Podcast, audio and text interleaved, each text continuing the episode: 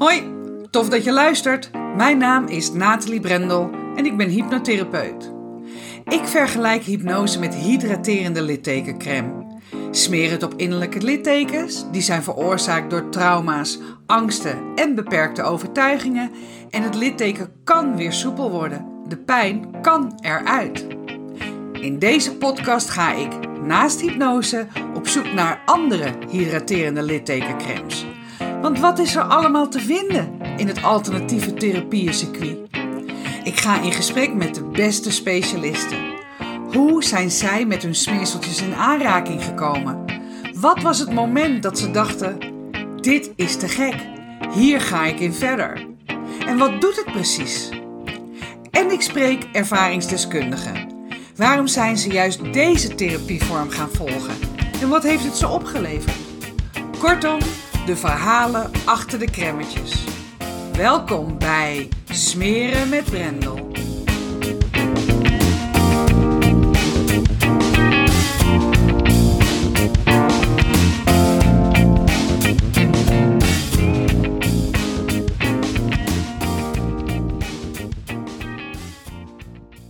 Wat een reacties heb ik gekregen op mijn vorige podcast en ook op mijn nieuwsbrief, waarin ik vertelde dat ik voor 24 uur in stilte buiten zou doorbrengen bij uh, Aljo Bril van uh, Buitengewoonte. En ja, natuurlijk vertel ik hier mijn verhaal, hoe ik het heb gehad. Ja, ten eerste, ik werd verwacht ergens uh, nou, vlakbij Hardenberg, dus best wel een stukje hier vandaan rijden. Prachtig bos. En ik was goed voorbereid, in ieder geval qua spullen. Ik had een uh, warme slaapzak en daar ook nog een keer een, uh, een, een, een, hoes omheen tegen, tegen de regen. Dus um, ik zou het zeker niet koud krijgen onder mijn zeiltje. En ik had er ook echt heel erg veel zin in. Dus ik kwam daar aan vorige week zaterdag om, nou, ik denk rond 12 uur. Ik was niet de enige. Er waren meer mensen die het weekend uh, met Aljo doorbrachten. En het bleek een terugkomweekend te zijn, niet alleen voor mensen die de solo quest hadden gedaan, zoals mijn klant, maar ook andere trips die Aljo uh, faciliteert. Kajakken, hiking trips doet hij ook naar het buitenland toe, naar, naar Scandinavië. Dus eigenlijk was het een, een, een terugkomweekend van ja, dat soort verschillende activiteiten die hij het afgelopen jaar heeft, uh, heeft uh, gefaciliteerd. Dus er was een pluimage aan, uh, aan mannen en vrouwen die verschillende dingen hadden gedaan. Dus kijk, mijn verwachting was van ik ga hetzelfde doen als wat mijn klant heeft gedaan en alleen dan voor 24 uur. Want hij is natuurlijk de echte held met drie nachten en vier dagen. Maar dat bleek niet zo in stilte te zijn. Niet, of hè, ik hoefde dat niet per se 24 uur in stilte door te brengen. Uiteraard wel slapen in, uh, in de buitenlucht, onder een zeiltje. Maar het echt op mezelf teruggeworpen worden met mezelf, mijn gedachtes. En niet praten en geen of weinig contact hebben met de anderen. Dat was anders. Dus ja, ik had mijn verwachtingen bij te stellen. En uh, ik, uh, ik hoorde laatst een, uh, een mooie quote. Die was van de Change expectations for appreciation and you live a whole different life. En nou ja, dat had ik ook te doen. Ik had me echt ingesteld op die stilte en dacht van nou oké, ik ga me helemaal terugtrekken. En uiteindelijk bleek dat we um, ja, fijn ook met elkaar in de gezamenlijke tent zaten om ook met elkaar te delen wat de verschillende uh, mensen die met uh, al jouw trips hadden gemaakt, ja, sindsdien hadden ervaren hoe het voor hun was geweest. Dus um, er werd veel gepraat. Veel meer als dat ik in mijn hoofd van tevoren had voorgesteld. Maar ook, ja, wat ik net zeg, hè, de verwachtingen veranderen, of in ieder geval um, je verwachtingen aanpassen en daar waardering voor hebben en kijken wat dat met je doet. Dat was op zich was dat wel goed.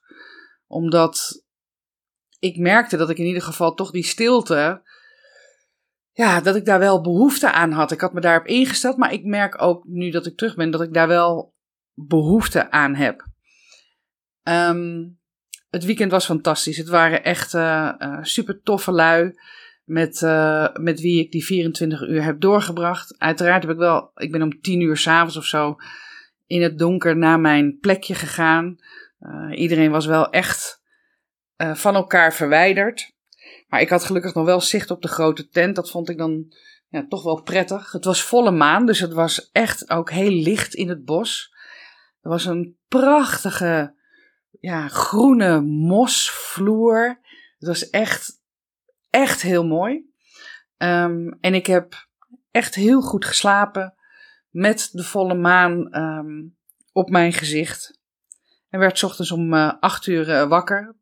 Tussentijds wel een keertje uitgemoeten om te plassen, maar ook dat uh, heeft zijn charme als je dat in het donker doet met zo'n lampje op je voorhoofd um, achter je zeiltje. En ik heb leren vuur maken. Wat ik ook echt super tof vond om te doen. De eerste keer mislukte het volledig. En Aljo deed het uh, ons voor. En vervolgens had ik uh, een prachtig vuur in no met één lucifer en, uh, en één bladzijde van een, van een krant. Dus um, ik mag nu zeggen dat ik in ieder geval op die manier ook vuur kan maken. Ik weet hoe ik dat te doen heb. Dus dat was echt heel erg gaaf. En ik merkte ook dat, wat ik net al zei, dat ik toch behoefte heb aan die, aan die stilte. Dat dat wel um, iets is waar ik naar op zoek wil. En dat kan zo'n solo quest zijn, zoals uh, Aljo die uh, faciliteert. Maar ik weet niet of voor mij persoonlijk, en dat geldt voor iedereen, is dat natuurlijk anders. Het in de buitenlucht de stilte opzoeken of dat het, of dat het voor mij is. Ik heb het idee dat. Uh, ja, je, je hebt dan toch te maken ook met de elementen van, van de natuur en van het weer. Dat je daarmee bezig bent.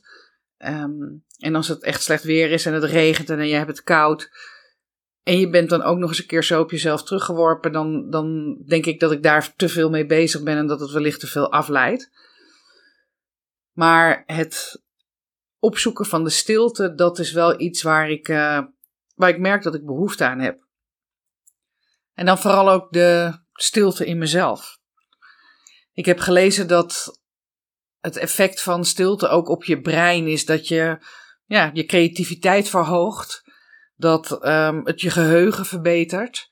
En dat uh, de amygdala, daar heb ik het ook al een keer eerder over gehad, dat is zeg maar het stresscentrum in je brein um, door stilte ook, ja, dat de activiteiten daarin uh, dus ook uh, verminderen.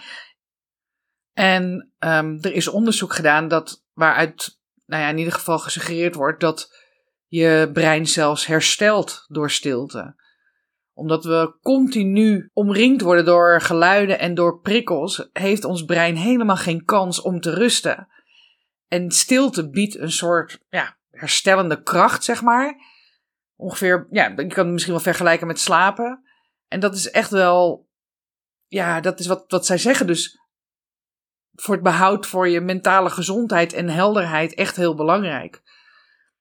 En ik vergelijk het met een glas water met, met, met uh, bijvoorbeeld zand erin. Als je daar continu in roert en het water is helemaal troebel, dan blijft het troebel, zolang je het water in beweging laat. Op het moment dat je het glas gewoon wegzet en stil laat zijn, waardoor het zand kan dalen en um, kan zinken naar de bodem, en je krijgt daardoor weer helder water. Wat ik van Jan Geurts, en ik, ik kom daar nog een keer wel op terug in een andere podcast, um, die gaf laatst een lezing. En die zei van, hoe fijn is het als je jezelf tegenkomt. Hè? Veel mensen vaak, veel mensen, dat is ook weer overdreven. Vaak zeggen we van, ja, oh, nou, ik kwam mezelf tegen en dan was dat in, is dat een negatieve zin. Terwijl hij juist ook zegt dat het heel positief kan zijn om jezelf tegen te komen. Hoe tof is het dat je jezelf tegenkomt? Wie je werkelijk bent en daar ook stil bij kan staan. Dat je je gedachtes, je emoties, gewoon kunt laten dwalen en laten zijn en laten ontstaan. Maar we lopen zo vaak weg voor die stilte. Terwijl we zo druk zijn in ons hoofd, in ons leven, met alles wat er om ons heen gebeurt. Terwijl juist die stilte opzoeken in jezelf super waardevol kan zijn. En dat betekent niet dat in rust of in stilte ons brein niets meer doet. Want ik heb uh, gelezen dat er onderzoek is gedaan in de jaren zestig al. Dat monniken, um, ja, die werden tijdens het mediteren werden zij onderzocht. En bleek dat hun hersenfrequentie en hun hersenactiviteit significant hoger was dan dat van tevoren werd bedacht. In uh, rust barst ons brein dus gewoon van de activiteiten. En brengt stilstand, helderheid. Hoe tof is dat? Dus ik heb me voorgenomen om naast de dingen die ik al doe, want ik probeer echt wel al de stilte op te zoeken door dagelijks. Ik heb twee momenten op mijn uh, telefoon staan, dan gaat mijn alarm. En dat zijn momenten dat ik echt even bewust naar binnen ga. Hoe voel ik me? Hoe voelt mijn lijf? Waar ik ook ben, wat ik ook doe. Ik pak even dat rustmoment, even die stilte voor mezelf.